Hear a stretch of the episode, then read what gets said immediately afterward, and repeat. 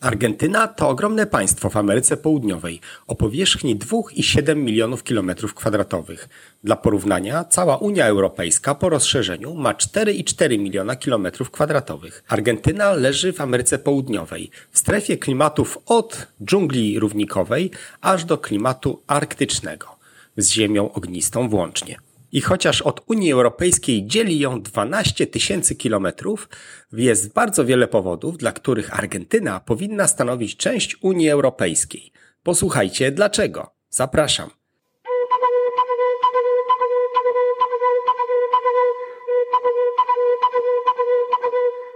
Po pierwsze, Europa i Argentyna wywodzą się z tego samego kręgu cywilizacyjnego i z tej samej kultury europejskiej. Ludność Argentyny w 95% to przodkowie europejskich emigrantów z Hiszpanii, Włoch, Europy Wschodniej, w tym z Polski, z Rosji, Niemiec i Bałkanów. W Argentynie najpopularniejszymi językami jest hiszpański, który jest językiem narodowym, ale także rozmawiany jest tutaj po włosku, niemiecku, i według ostatnich trendów także po rosyjsku. Argentyńskie miasta przypominają miasta Hiszpanii, a raz Włoch i w niczym nie różnią się od swoich europejskich odpowiedników. W Argentynie, podobnie jak w Europie, bardzo duży nacisk kładziony jest na kulturę. Wiele muzeów narodowych w Argentynie dostępnych jest za darmo, a ludzie w dużej stopniu czytają tutaj książki, a w wiele mniejszym korzystają z telefonów komórkowych. Można śmiało powiedzieć, że Argentynę i Unię Europejską łączy wspólnota kulturowa i wspólne pochodzenie. Po drugie, zarówno Europa, jak i Argentyna wyznają podobne wartości. Są to kraje liberalne, które szanują prawa mniejszości oraz prawa jednostki i prawa człowieka. Argentyna, podobnie jak wiele europejskich krajów, jest demokratyczną republiką, która oferuje niezależny od władzy system sądowniczy, także wolne media i wolność słowa. Konstytucja Argentyny jest jedną z najbardziej postępowych dokumentów ustaw zasadniczych na świecie. Zapewnia wszystkim wolność, równość, prawo do pracy i godnego wynagrodzenia, wolność wyznania, wolność sumienia i wolność słowa. Wszystkie te wartości, które dla Europejczyków pozostają równie ważne. Po trzecie, religie wyznawane w Argentynie bardzo przypominają strukturę wyznawców Europy. Otóż 63% Argentyńczyków należy do kościoła katolickiego, 15% Argentyńczyków jest protestantami, 19% Argentyńczyków jest ateistami, a inne religie, w tym islam, zajmują poniżej 4%, w tym wyznawcy islamu poniżej 1%. Po czwarte, styl życia. Styl życia Argentyńczyków jest bardzo europejski. Kobiety bardzo często chodzą tutaj do pracy, ludzie cieszą się dobrym jedzeniem, muzyką, aktywnie uprawiają sporty, a także o dziwo korzystają głównie z wyrobów europejskiej motoryzacji. Na ulicach Argentyny królują Renault, Volkswageny, Peugeoty i Fiaty. Prawda, niektóre z tych samochodów występują w dosyć egzotycznych wersjach, ale wciąż są to europejskie marki. Na przykład najczęściej spotykanym samochodem w Argentynie jest zubożona wersja Volkswagena Polo, która w Argentynie nazywa się Gol. I tu przechodzimy do kolejnego aspektu stylu życia.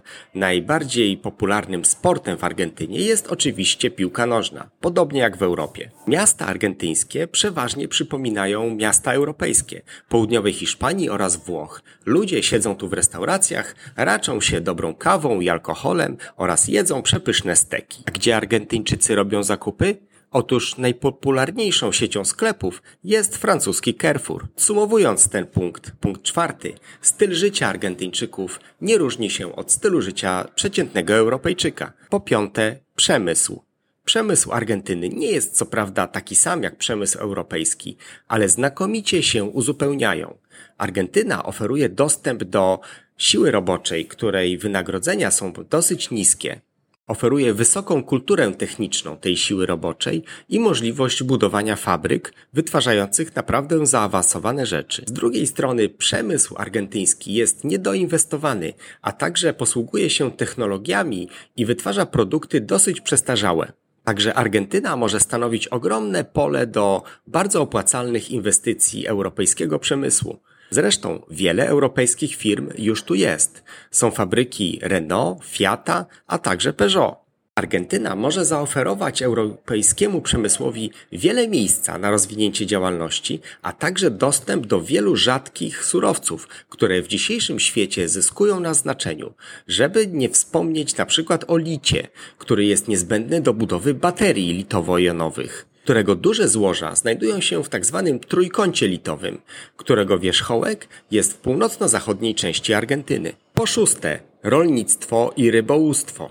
Argentyna oferuje ogromne tereny pampy, na których w sposób ekstensywny dzisiaj uprawiane są połacie kukurydzy, soi oraz pszenicy które stanowią główne produkty eksportowe argentyńskiego rolnictwa. Jednak argentyńskie rolnictwo jest dosyć ekstensywne i wymaga technologii oraz kapitału, które są dzisiaj do dyspozycji Europejczyków. Argentyna może zaoferować europejskim rolnikom ogromną przestrzeń do rozwoju własnej produkcji, zarówno roślinnej, jak i zwierzęcej, której również ma bardzo bogatą tradycję.